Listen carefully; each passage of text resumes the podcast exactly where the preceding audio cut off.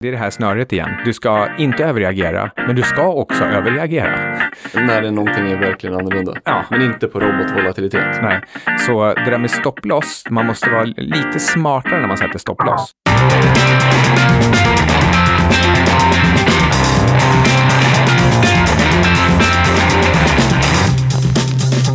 Välkommen till ett nytt avsnitt av 25 minuter. Idag ska vi prata om vad egentligen robothandel är och eh, hur det kan påverka oss som privatinvesterare. Och vi som pratar om det här, det är jag, eh, Carl Mikael Syding. Och jag, Ludvig Sundström. Om du vill lära dig mer om hur man investerar i aktier så har jag den här 12 veckors kursen som heter Finanskursen. Den börjar ganska snart. Ja, kursen börjar 2 april och det är förtur för tidiga ansökare mellan 20 och 26 mars.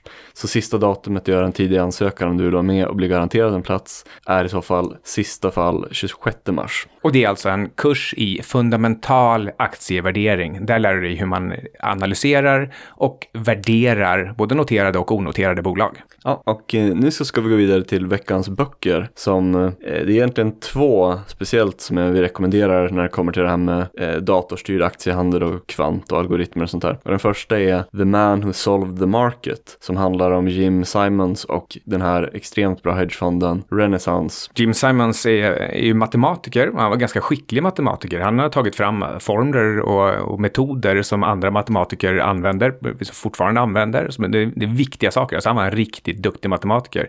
Och sen sent i livet, jag kommer inte ihåg hur gammal han var, 50-60 år, eh, någonting sånt, innan han liksom fick flyt i renässans. Ja, han, han var ju lite av en trader innan, men han höll ju på i jättemånga år och de berättade om det här i boken. Det tog typ 15 år eller mer innan de fick till det här på ett riktigt bra sätt. Och det blev världshistoriens bästa hedgefond som fungerar helt datorstyrt. Ja, det riktigt intressanta tycker jag, det är att det var just aktier som var det svåra att få till. De, eh, de hade ju lyckats med andra tillgångsklasser, alltså räntor och valutor och liksom, alla möjliga olika saker. Det, det hade de koll på. De, de lyckades få till eh, de här liksom, automatiska algoritmerna. Men, men aktier, det, jag, jag, tror faktiskt att det var nästan precis tio år som de, det bara liksom, det, det funkade inte. De trodde att de hade formler klara, men, men så gick det ändå inte.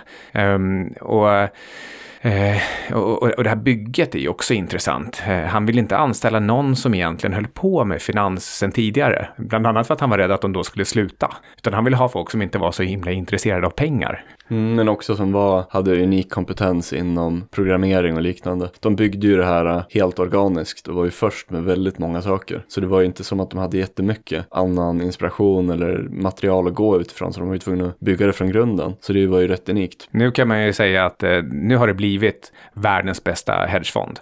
Eh, de, de, de, har en sån enormt bra track record i årlig avkastning, till och med efter sina avgifter som är de, de högsta någonsin i, i världen och världshistorien. Um, men ändå så på vägen så hade de ett så stort slarv som man undrar hur det ens är möjligt med tanke på vilken typ av personer det är som har byggt det här. Och, och det är det här när de råkade hårdkoda in ett värde på S&P index. Uh, eh, så de hade alltså inte en, en automatisk dagsuppdatering eller, eller ens minut uppdatering, utan någon hade råkat skriva in S&P, alltså S&P index, USA-index, alltså de skulle råkat skriva in själva, själva värdet och det här brottades de med i, alltså jag kommer inte ihåg om det var ett eller två år som, eh, som det där fortfarande stod kvar och det gjorde ju att affärerna inte blev bra, för de baserades på ett, ett, ett värde på S&P index som inte fanns. Ja, ja, ganska klantigt misstag. Eh, det där kommer jag inte ihåg från boken faktiskt, men e, en sak som jag reflekterade över när jag läste boken, det var att när du har ett sånt där ofantligt ett komplext system som byggts under många år. Det måste ju bli jättesvårt att eh, liksom eh, troubleshoota det och försöka hitta så här, vad är det som plötsligt gör att det går fel? När du har tusen stycken parametrar, hur ska du veta vilken som förstör? Det, det är någonting jag tänkte på. Ja, och det var väl liksom nästan mer eller mindre en slump han som till slut råkade hitta det där. Det var inte just det uh, han letade efter. Och jag undrar om inte den personen, jag kommer inte riktigt ihåg hur det var, men om inte han var, han var på väg att sluta också, var på väg att ge upp för att han tyckte det var så frustrerande. För han trodde ju att han hade koll på det här och, och ändå så, så, lyckades de aldrig tjäna pengar. Men mm. jag tycker man ska kanske backa bara ett steg. Dagens tema är ju kvantitativ, kvantitativa investeringar eller kvantitativ aktiehandel. Det betyder att man inte analyserar bolagen och deras vinster vinster och gör värderingar, utan istället så går man direkt på själva prisrörelserna och försöker utifrån gamla mönster räkna ut åt vilket håll kurserna ska gå efter det. Ja, det blir liksom som en, lite förenklat, en kombination av teknisk analys, ren statistik och datormodeller och programmering och lite annat. Men det, ja, det är så. Och det, och det gäller att göra, det är ju då att hitta mönster som är tillräckligt pålitliga för att det, det ska vara värt att ta investeringarna trots courtaget. Mm. Och man måste göra det bättre och snabbare än andra. Ja, de måste vara beprövade historiskt. De måste ha statistisk signifikans för att det ska vara värt att fortsätta med. Och, och ett problem med det, det är att även om du har statistisk signifikans i historiska data så behöver inte det betyda att de där mönstren faktiskt upprepar sig. Mm. För, för mm. mönstren ändras hela tiden. Ja, ja men det, då förstår man ungefär vad det handlar om, liksom, vad ämnet är. Men du var inne på en sak som jag tycker är lite intressant och det var att det här med att aktier kom sist och medan saker som optioner, varanter, futures, eh, diverse andra sorters värdepapper, det kom långt före. Vill du kanske gå in lite på varför det var så? Jag kommer inte ihåg varför det var så, men eh, man, man brukar säga att just eh, aktier är det mest eh, komplexa som finns och det är också reflexivt. Det betyder att Ehm, de som, de som handlar och fattar beslut, i köp och säljbeslut i aktiemarknaden nu, de är påverkade av inte bara hur bolagen ser ut och vinsterna ser ut, utan de är också påverkade av hur deras egna och andras beslut utföll i den förra perioden och förra och förra, förra. Så, så det betyder att aktiemarknaden, den är liksom aldrig samma som den var förra gången. Precis, det är nog svårare att göra en matematisk formel på det än vad det var för eh, olika sorters köpoptioner och liknande. Det här är också ett typiskt exempel på vad jag brukar kalla för att eh, man måste ställa sig frågan hur långt är ett snöre? För å ena sidan så finns det ingenting nytt under solen på aktiemarknaden. Allting är faktiskt alltid samma som förut. Det här med nya paradigm, det kan man nästan helt och hållet glömma att, att man ska råka snubbla på att ja, men nu, nu är det new era, nu är det någonting nytt, nu teknikbolagen ska gå till himlen. Eller, eller tvärtom, nu är det death of equities. Det, det, sånt där stämmer inte. Det är liksom ingenting nytt under solen. Och samtidigt är det också så att det alltid är helt nytt på grund av den här reflexiviteten som Soros skriver om i sin Alchemy. Mm. Jag tänkte säga en sista sak här om eh, Renaissance och det är att deras här, superfond då, den heter Medallion och eh, eh deras trumfkort det är att eh, ja, i det stora hela så har de rätt mer än 50 procent av tiden. Sen gör de tusentals trades varje dag eh, och de, de behåller dem kanske inte jättelång tid utan det, det kan gå ganska fort men de gör gör över, ti över tid liksom mer vinst än vad de gör förluster. Och de har alltid rätt om de gör tillräckligt många trades. Så det gör de många då. Eh, men poängen av det är att de kanske får, ja, de kanske har tusen, de, har, de säger att de har typ tusen aktier i sin portfölj så de är extremt diversifierade. Sen kanske de bara får, jag bara drar till med någonting, men säg att de får 3% avkastning per år. Men de har i princip noll, ned, no, noll nedsida. De kan typ inte göra eh, en förlust. Men de får bara 3%. Men det är ändå ändå lägre än inflationen till exempel. Men hur kan de då få typ till exempel 40% eller 30% årlig avkastning? Jo, genom att de kan ha extremt hög belåning, mycket högre än en privatperson. De har nämligen eh, en, ett specialkontrakt med Deutsche Bank och några andra banker som gör att de kan få belåning på upp till 12-13 gånger sin stora portfölj. Så om de, även om de bara har till exempel 3% årlig avkastning så kan det bli upp till, ja, upp till 40% ungefär genom den här belåningen utmaningen.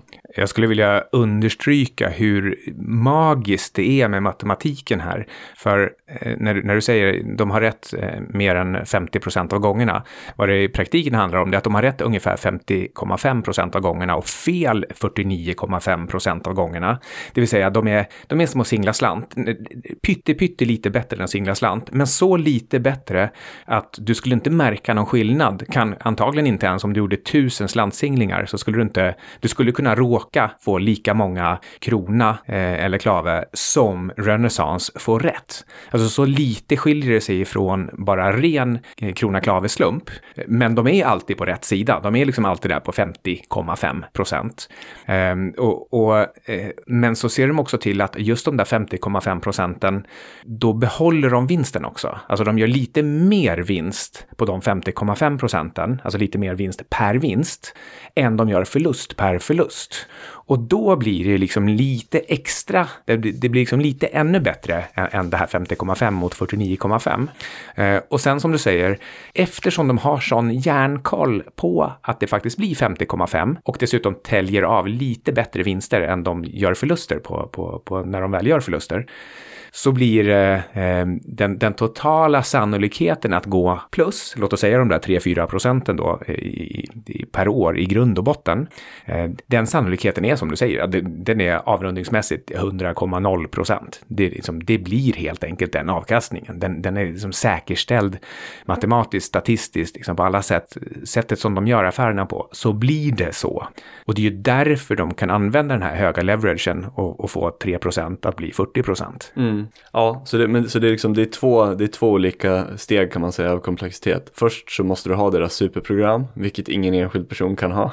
Sen i andra hand så måste du ha det här superspecialkontraktet med en egen sorts belåningsprodukt som de har skapat med de här bankerna. Och det är bara de som har det också.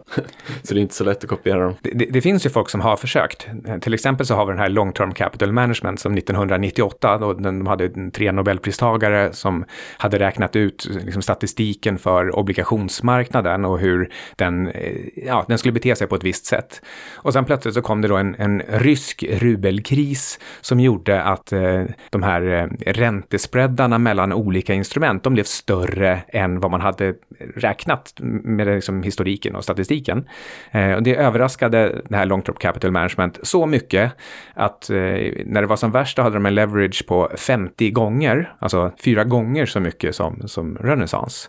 Ehm, och det var ju då förstås inte hållbart när det kom en till rörelse åt fel håll. Så då, då gick det här LTCM då, som de heter, gick under och höll på att krascha hela det finansiella systemet. Ehm, så där, det som hände då 1998, det var ett av startskotten till att eh, centralbanker fick mycket mer makt att hindra sådana här systematiska eh, eller systemiska risker.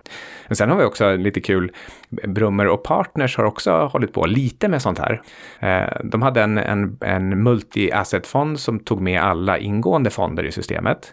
Um, uh, och den gjorde de bara en belåning på 2x. Så som extern kund så kunde du köpa Brummer Multi-Strategy 2x. Uh, och det är ju ganska tryggt för att det var liksom en fond som ändå skulle typiskt sett gå plus varje år för den bestod av tio olika relativt okorrelerade ingående eh, fonder. Det låter smart. Mm, men det roliga med det här är att eh, någon av de här nätbankerna, om det var Avanza eller Nordnet, de tillät eh, privatpersoner att ha tio gånger belåning i sina eh, portföljer, på sina depåer. Så det fanns en del som då i praktiken tog tio gånger belåning och köpte eh, BMS 2XL så att de hade därmed 20 gånger leverage på underliggande eh, fonder. Och det gjorde att eh, ja, men gick, gick eh, eh det underliggande upp 5% på en månad, då gjorde du 100% du dubblade pengarna. Men gick det ner 5 ja, då blev du i praktiken knockad. Då försvann hela ditt kapital. Och det var månader då faktiskt hela BMS gick ner 5% för att det var ganska turbulenta tider. Så eh, det här påverkar ju inte Brummer själva, för de var inte inblandade. Men däremot så påverkade ju det privatpersonerna som faktiskt utnyttjade att de kunde ta mer leverage än till och med Renaissance gör. Ja, intressant. Eh, sen en, den andra boken här, det är en Man of All Markets av Ed Thorpe som var den första kvantkillen och föregångaren till Renaissance. Och eh, ja, han var ju inte lika bra kan man säga, men han var tidigare, han var först. Och han, han gjorde vad som kallades för market neutral, eh, då man har en portfölj som är helt okorrelerad till marknaden på olika sätt. Eh, men ändå så går den upp. Och han hade i snitt 15% årlig avkastning, jag tror 20, kanske 20 år eller någonting. Eh, helt okorrelerat med marknaden. Ja, det är riktigt bra med en market neutral och vara upp 15% per år. Mm. Men sen så gick det tyvärr under på grund av eh, lite otur av amerikanska staten. Eh, så ja, han kunde tyvärr inte fortsätta när det gick som bäst och sen så var det folk som, ja men Renaissance och de här Citadel och eh, D.E. Shaw, där Jeff Bezos jobbade. De och några till som blev stora kvantfonder som tog över tomrummet som försvann när de gick under. Och de gick under för de blev stoppade av en statlig utredning. Inte för att fonden gick dåligt. Men det är också en jättebra bok. Så de två böckerna är Man Who Solved the Market och Man of All Markets.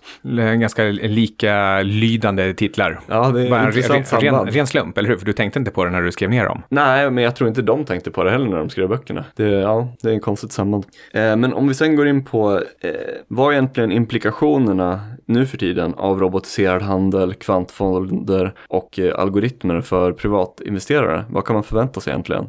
Eh, jo, jag tror först och främst att det kommer fortsatt vara mer och mer så att säga oförklarligt stora dagliga förändringar i aktiekurser, även om ingen ny information har tillkommit. Givet att man då förstår en aktie. Eh, Ja, precis. Eh, Alltså, eftersom robotarna inte bryr sig om den underliggande informationen. De bryr sig bara om själva kurserna och vissa typer av kursmönster och kursrörelser. Det betyder att du kan både intradag men också intraår eh, förflytta kurserna längre och längre ifrån någon slags fundamentalt motiverat värde. Så ehm, eh, det, det kan definitivt hända bara på, på en, en vanlig dag, till och med helt utan relevanta nyheter. För att roboten reagerar på någonting annat och så börjar den handla lite grann och så triggar den andra robotar och så, så får du en, liksom en lite kaotisk rörelse. Ehm, och det där kan hända som sagt då på en dag, men det kan också fortsätta hända över långa tidsperioder så att någonting blir jättestort och jättedyrt utan någon, någon fundamental förankring. Ja, och lite enkelt sammanfattat kan man säga att om vi säger att man har en massa sådana här stora kända aktier som typ Google eller Atlas Copco eller vad det nu kan vara liksom. Stora välkända aktier. Egentligen så de borde ju inte förändras så mycket på kanske en vecka när ingen ny information har tillkommit. Men ändå kan de svaja upp och ner så här flera procent varje dag. Eh, sen, sen kanske i slutet på veckan så har det ändå gått plus minus noll. Men varje dag kan det svaja väldigt mycket utan att egentligen borde göra det. Och det är för att det är en massa konstig volatilitet av robothandel, ofta. Det där får mig att tänka på eh, att man ska definiera robothandel lite grann också. Ibland så är det lätt hänt att, att tänka att det är bara av den här liksom, renässanskomplexa typen. Supermycket datorer och PhDs och hundratals eller tusentals komplexa mönster som man försöker känna igen. Men lika mycket robothandel är till exempel bara en, en vanlig market maker-robot som ska ställa köp och säljkurser lite tajtare än vad marknaden annars skulle ha gjort. Så lite högre köpbud och lite lägre eh, säljoffer. Ehm, eller för att inte tala om rena indexfonder.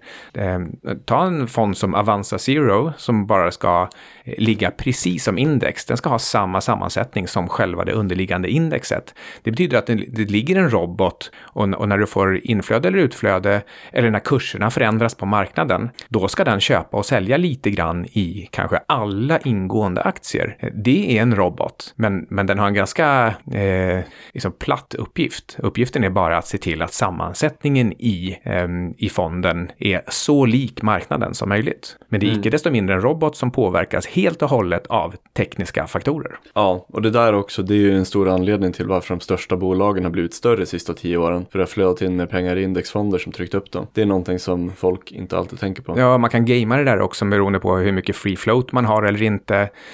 Så att eh, om, om, man, eh, om man lyckas eh, eh, notera en aktie bland de stora bolagen, lite så som, eh, som man tror att Tesla gjorde, så eh, då kan du skapa en situation där det är en ständig brist på aktien. Den behöver ha större vikt hos index-trackers, men det finns för lite effektiv free float för att faktiskt få tag på de aktierna. Så att det blir liksom en ständig, ständig strid om de här aktierna och då kan det flytta kursen uppåt hela tiden. Sen är det lite andra saker som har, har påverkat just det bolaget också, men, men eh, det, det finns olika situationer som kan uppstå där man på grund av regelverken hos fonderna eh, och börserna eh, och smart utnyttjande av, eh, av hur mycket aktier som faktiskt finns fria för handeln eh, kan skapa en sån då ständig bristsituation eh, på grund av ja, i vad man ändå får kalla för robothandel, även om det tar emot lite grann att kalla den här liksom index tracker för, för robothandel. Ja, och sen eh, som en liten fortsättning på det tror jag man kan säga att det blir det är generellt sett mer robotiserad handel i stora aktier som har mycket likviditet. För då är det lätt för dem att komma in och ut och de kan ha hög frekvens. Medan som det är mindre aktier, jag vet inte exakt var man ska dra gränsen men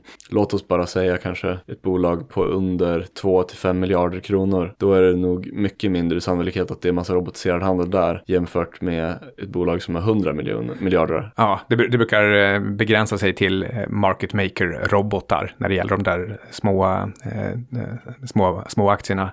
Eh, och de där market maker-robotarna, de kan man ju ofta se i in action. Det är, det är väldigt lätt att se när man lägger in en, en köporder till exempel, så kanske man själv lägger sig 10 öre över den, den andra, den näst bästa. Och då direkt på liksom samma millisekund så ploppar det upp en annan order strax ovanför en egen, ens egen. Och tar man bort sin, då, då försvinner den igen. Eh, en typisk market maker-robot. Eh, och noterar man att det finns sådana inblandade i en aktie som man själv vill handla, men då, då kan man ju kanske utnyttja det på något sätt också. Alltså man får inte, man får inte, alltså nu är det så här, det är olagligt att försöka lura roboten, men däremot så kan man notera att, aha, men det är en market maker-robot inblandad här. Ja, men då kanske jag, då lägger jag mig på den kursen som jag faktiskt vill ha och sen bara väntar jag. Och så får man se ifall marknaden kommer dit där man själv vill vara. Så att man inte blir den som blir, blir lurad av de här robotarna istället. Jag tycker det låter väldigt konstigt att det skulle vara olagligt att lura en robot medan det är lagligt för roboten att dölja stora block liksom. Ja, det är märkligt där, men det, det är av någon anledning så, har, så vill Finansinspektionen och eh, börserna ha det på det sättet. Alltså det, det, har, det har skett en förändring de senaste tio åren hela tiden i riktning åt att det är institutioner, robothandlare, high frequency traders, dolda order, dark pools, alla de här är alltid de som gynnas och små privatpersoner eh, missgynnas. Ehm, och just det här, eh, alltså robotar får lura andra robotar. Det är okej, okay, för det är redan inprogrammerat i algoritmen. Men, men en människa faller under eh, regelverket eh, marknadsmanipulation. Det vill säga att man gör en affär i enda syfte att påverka kursen. Eh, alltså det, det, är så, det är så dumt så att det, det blir liksom svårt att, att, hitta ord för eh, de här sakerna. Men eh, eh det är någonting som tyvärr privatsparare måste tänka på. Att man, man får inte råka göra någonting som ens kan misstänkas se ut som om man bara försöker påverka kursen eller lura en robot. Mm. Eh, sen, eh, jag tänker en till sån här implikation som kan vara intressant är att eh, allting går fortare nu för tiden och det lär väl fortsätta göra det för att det blir mycket självförstärkande momentumeffekter av de här olika robotarna eller algoritmerna. Då. Så till exempel, jag tror ett bra exempel var nu eh, men den här lilla snabba uppgången från oktober till januari i nästan alla sorters aktier och tillgångsklasser. Ja, kanske inte råvaror då, men i många andra andra tillgångsklasser och aktier av olika sorter. Gick upp jättemycket där från oktober till januari för att, ja, av olika anledningar. Men sen när det väl gick igång, då gick det mer, det gick upp mer än det borde kanske gjort. Och sen kommer det säkert nu framöver gå ner snabbare än man kan tro. Eh, istället för att det hade varit lite en mer jämn rörelse under hela den här perioden. Det tror jag beror på mycket då, inte helt men mycket på självförstärkande effekter från robotiserad handel. Jag tror att det också kan handla om att eh, informationsflödet går snabbare snabbare på alla sätt. Placerarna, privatspararna, de är sammankopplade via sociala medier. Så alla, både proffs och ned till minsta privatperson, de ser allting som händer hela tiden. Och det bildas, eh, bildas snabbt små, små sekter i enstaka bolag eller hela index där man liksom eh, trummar på de, de här händelserna och, och rörelserna. Och, och man i, i det att man blir mer och mer van vid att, att, eh, att det går snabbt eller att den här typen av rallyn kan gå ganska långt framåt, då det blir, det blir i sig självförstärkande. Så det, det är som att marknaden blir mer och mer reflexiv, mer och mer trendande. Men de här trenderna Eh, som även om de är starkare eh, och tydligare och går högre och längre eller lägre och, och, och längre ehm, eh, så, så avbryts de också lika abrupt. Plötsligt så är det någonting som får planeterna att ställa sig, ställa sig i linje, kanske en, en något Fed-uttalande eller någon ränterörelse som plötsligt rullar tåget åt andra hållet. Och då kommer reflexiviteten tillbaka och också liksom någon slags muskelminne av att oj oj, nu har trenden vänt, nu gäller det att haka på den. Och sen så förstärker alla den i sin tur djur. Och ja, med hjälp av robotarna. Det är det jag menar, att det går fortare helt enkelt. Man kan tänka sig som man spelar typ så här, vad heter det? När man, eh, heter det, heter det racquetball? När man liksom studsar, studsar en sån här... Eh, Inte squash? Nej, nej och man, man står och... De här som är liksom flera hundra meter långa banor där man nej, skickar iväg den i någon... Nej, man liksom står och slår med en en sak. Och så, Paddel? Nej. man, alltså det är airpingis, air, airboard, air, Ja, sån ja. Är- Ja, okej. ja, ja, nu vet jag vad det Airhockey där. kanske det. Ja, det kanske så. Airhockey tror jag. Ja. Ja, men det går liksom, det går fortare och fortare varje gång man slår fram och tillbaka liksom. Jag, tror, jag tror det är en bra Ja, det, analogi. så här, det är en liten plastskiva som flyter på tunna precis. luftströmmar. Och man kan studsa den mot väggen. Ja. Och så har man ett litet mål. Ja, och, och det då står man och studsar där fram och tillbaka mot varandra. Ja, så det blir lite på det sättet. Eh, om vi sen går vidare till vad ska man egentligen akta sig för när det blir mer och redan är mycket robotiserad handel? Då tror jag att man inte ska överreagera på kort sikt. Kanske typ en till sju dagar eller liknande. Kanske till och med lite längre, kanske två veckor eller något. Men man ska nog inte överreagera på kort sikt. Eh, däremot så ska man nog överreagera mer eh, jämfört med tidigare om man tror att det är nära en stor uppgång eller stor nedgång för att eh, det blir självförstärkande.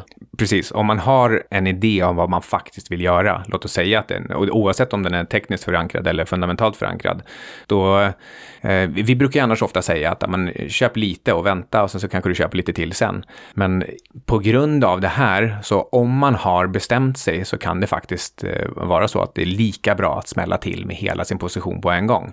Men det kräver ju att man vet vad man gör, att man Och verkligen aktiekursen har... ska gärna vara väldigt låg. Ja, Jämfört eh, med vad det- man tror då. Ja, men det måste vara en bra affär. Man måste veta, jag har margin of safety, jag har räknat ut det här, jag känner mig väldigt, väldigt säker på min sak. Och, och, och nu verkar det som att eh, marknaden helt omotiverat har tryckts ner för långt. Om du har den känslan och, och tror att den ska upp, om då, då på grund av så som det har blivit nu, då får man nog helt enkelt bara eh, bita av alltihop på en gång. Ja, men liksom eh, tillbaka till mitt exempel där, att man inte ska överreagera på kort sikt. Då menar jag till exempel, säg att man har köpt, ja men kanske 10% av sin portfölj eller någonting i en aktie. Och så är man ändå ganska nöjd med priset man kom in på och man tror att det går bra på kanske ett år eller två år framåt eller något. Men sen kanske det väldigt volatilt, aktien går ner 5% på en vecka. Då, då kan vissa personer så här nu få panik och bara sälja ur sig. Och bara på det lilla liksom. Och då kanske de missar att komma in igen och, när den går upp. Men eh, den där, lilla, den där lilla nedgången på 5% var ju kanske bara en totalt omotiverad volatilitet av robotar. Det hade ju ingenting att göra med någon ny information eller att caset försämrats på något sätt. Man får det är nog- lite det jag menar. Ma- Men, men å andra sidan, om det, om det går ner, om någonting plötsligt förändras, om man inser det, då ska man ju såklart hoppa ur. Men det är en annan sak. Precis, och, och då är vi tillbaka. Det är det här snöret igen. Du ska inte överreagera, men du ska också överreagera. När det någonting är verkligen annorlunda. Ja. Men inte på robotvolatilitet. Nej, så det där med stopploss, man måste vara lite smartare när man sätter stopploss. Alltså, ehm, man får inte bli utlurad för att det är en tillfällig flash crash, till exempel. Utan då måste man kunna på något sätt eh, veta eller förstå, ja men det här var bara en teknisk rörelse. Det här, det här hade, det, det fanns ingen konkret nyhet eller information som faktiskt motiverar den här nedgången just nu. Um, men men då, det ställer ju då återigen krav på att man faktiskt förstår bolaget och dess räkenskaper. Eh, plus har lite psykologisk eh, motståndskraft. Men eh, eh, stopplosser kan verkligen bli farliga. Eh, man kan bli utlurad alldeles, alldeles för, för, för lätt när marknaden beter sig på det här sättet. Ja, och även utan stopploss, bara att folk som sa bara Åh nej, nu är det ner 5% idag, nu säger sälja. Sen, sen säljer de så bara, nu är den upp 5% imorgon, åh nej, varför sålde jag? På, eh, jag har hört många gånger att eh, aktiemarknaden ljuger inte. Det, det finns alltid någon slags grund till rörelserna, men jag tror att det där har förändrats. Det är precis det jag är inne på. Och det är det man ska lära sig nu, att inte, inte ha för stor tro på att en rörelse bygger på någonting. Den behöver inte alls ha kommit en nyhet eller någonting om vinsten eller något som påverkar bolaget. Det, det, förut så, det är klart att man, när kursen rör sig, då ska man titta sig omkring och se, okej, kan jag hitta någonting som faktiskt är kopplat till det här? Ehm, men, men eh, man behöver absolut inte tro att det måste vara så. Mm. Eh, jag, jag tror att sättet som man kan använda det här praktiskt och dra nytta av det här, det tror jag är att om man som sagt kan en aktie ganska bra, om man har gjort lite research och man kanske kan, man, man har ganska god koll på hur man tror att företaget ska utveckla sig, kanske ett till fem år framåt där någonstans. Och man har lite koll på deras så kallade trigger list, liksom, vad de ska göra. Eh, då tror jag att man, det kan ge en fler lägen att köpa lite åt gången, som man säger på engelska, average in. Eh, jag, jag, jag tror när det blir mer volatilitet så här, då, om det inte är ett så här extremt solklart case då är det liksom, det kommer bara gå uppåt nu, men det, det händer ju väldigt sällan, så det är ju det är ju. Men eh, re, som tumregel tror jag att man har mer tid på sig att köpa in sig gradvis med, när det svänger mer så här. Jag tror man eh, kallar det där för volatilitetsutdelning. Alltså en, en slags eh, extra avkastning som man får om man har is i magen och hela tiden köper på de där, på de där dipsen och så, så skalar av lite grann när det, när det drar onödigt mycket på kort tid utan nyheter. Ja, eh, så, men, men det är vad jag tror i alla fall. Sen tror jag en, en till sak, det tror jag är en implikation liksom, det är att jag tror inte man kan förvänta sig att de största välkända och ofta bra aktierna, typ så här Google, Microsoft, Atlas Copco och så vidare. Jag tror inte att sådana stora välkända aktier når ner till sina lägsta historiska multiplar, utan de kommer automatiskt handlas upp innan det händer av robotar som har det inprogrammerat. Det skulle förutsätta att man har modiga robotar som vågar fånga upp en, en flash crash, så att inte de har någon slags stopploss in, inbyggt någonstans. Nej, men nu, nu, menar jag, nu menar jag alltså så här, riktigt bra bolag som är välkända och har mycket historik. Mm. Men, och så men, säger vi att de har ett P nu på 25, men så kanske de har ett lägsta historiska P tal på 10. Sen går den plötsligt ner till det och då, då, då kanske det är ett uppenbart köpläge i, i teorin. Men för det kommer min reverta gå upp till kanske 15-20 igen. Eh, men då kommer robotarna köpa upp den innan den går ner till 10. Så det kommer aldrig bli 10 för mm. om man mm. sitter och väntar på det. Ja, men, men du kommer också ihåg kanske då själva ordet flash crash dök upp. Kommer inte ihåg om det var 2010 eller 2011, 2012, där någonstans. Då, då plötsligt, alltså kanske till och med var senare, eh, men då i alla fall så, så plötsligt en dag så, så dök till exempel Adobe Acrobat 99 procent. Eh, och det var många andra bolag också som, som alltså bara, det var det som är en flash crash. De gick ner, de gick ner till nästan noll. Stora, välkända, etablerade bolag. Um, och det var för att eh, någon robot triggade någon annan robot och sen till slut så nådde du nivåer som gjorde att alla eh, system hade stopploss inbyggt. Sälj oavsett kurs. Eh, nu kan man väl hoppas att det inte, det, det kan inte vara så dumt programmerat. Det måste finnas någon slags eh, liksom fundamentalt förankrad robotar någonstans kan man tycka, men det borde du ha gjort redan då. Det är så pass sent i börshistorien. Så eh, min slutsats är, det, eh, det kommer vara helt oförutsägbart. Vi närmar oss någon slags eh, singularitet där vi faktiskt faktiskt inte kan göra någon vettig bedömning alls av hur marknaden beter sig om huruvida det är mer sannolikt att saker kommer generellt sett vara dyrare eller generellt sett vara eh, mer konstant korrekt värderade eller generellt sett vara lägre värderade, till exempel på grund av den här osäkerheten. Om svängningarna blir större, då bör saker egentligen vara billigare för att du, du får, en, du får en, eh, en likviditetsrabatt om du inte vet att du kan komma ut på en vettig kurs. Så, så jag tror inte man, man kan inte göra en ordentlig bedömning av vad, vad det, hur det kommer se ut.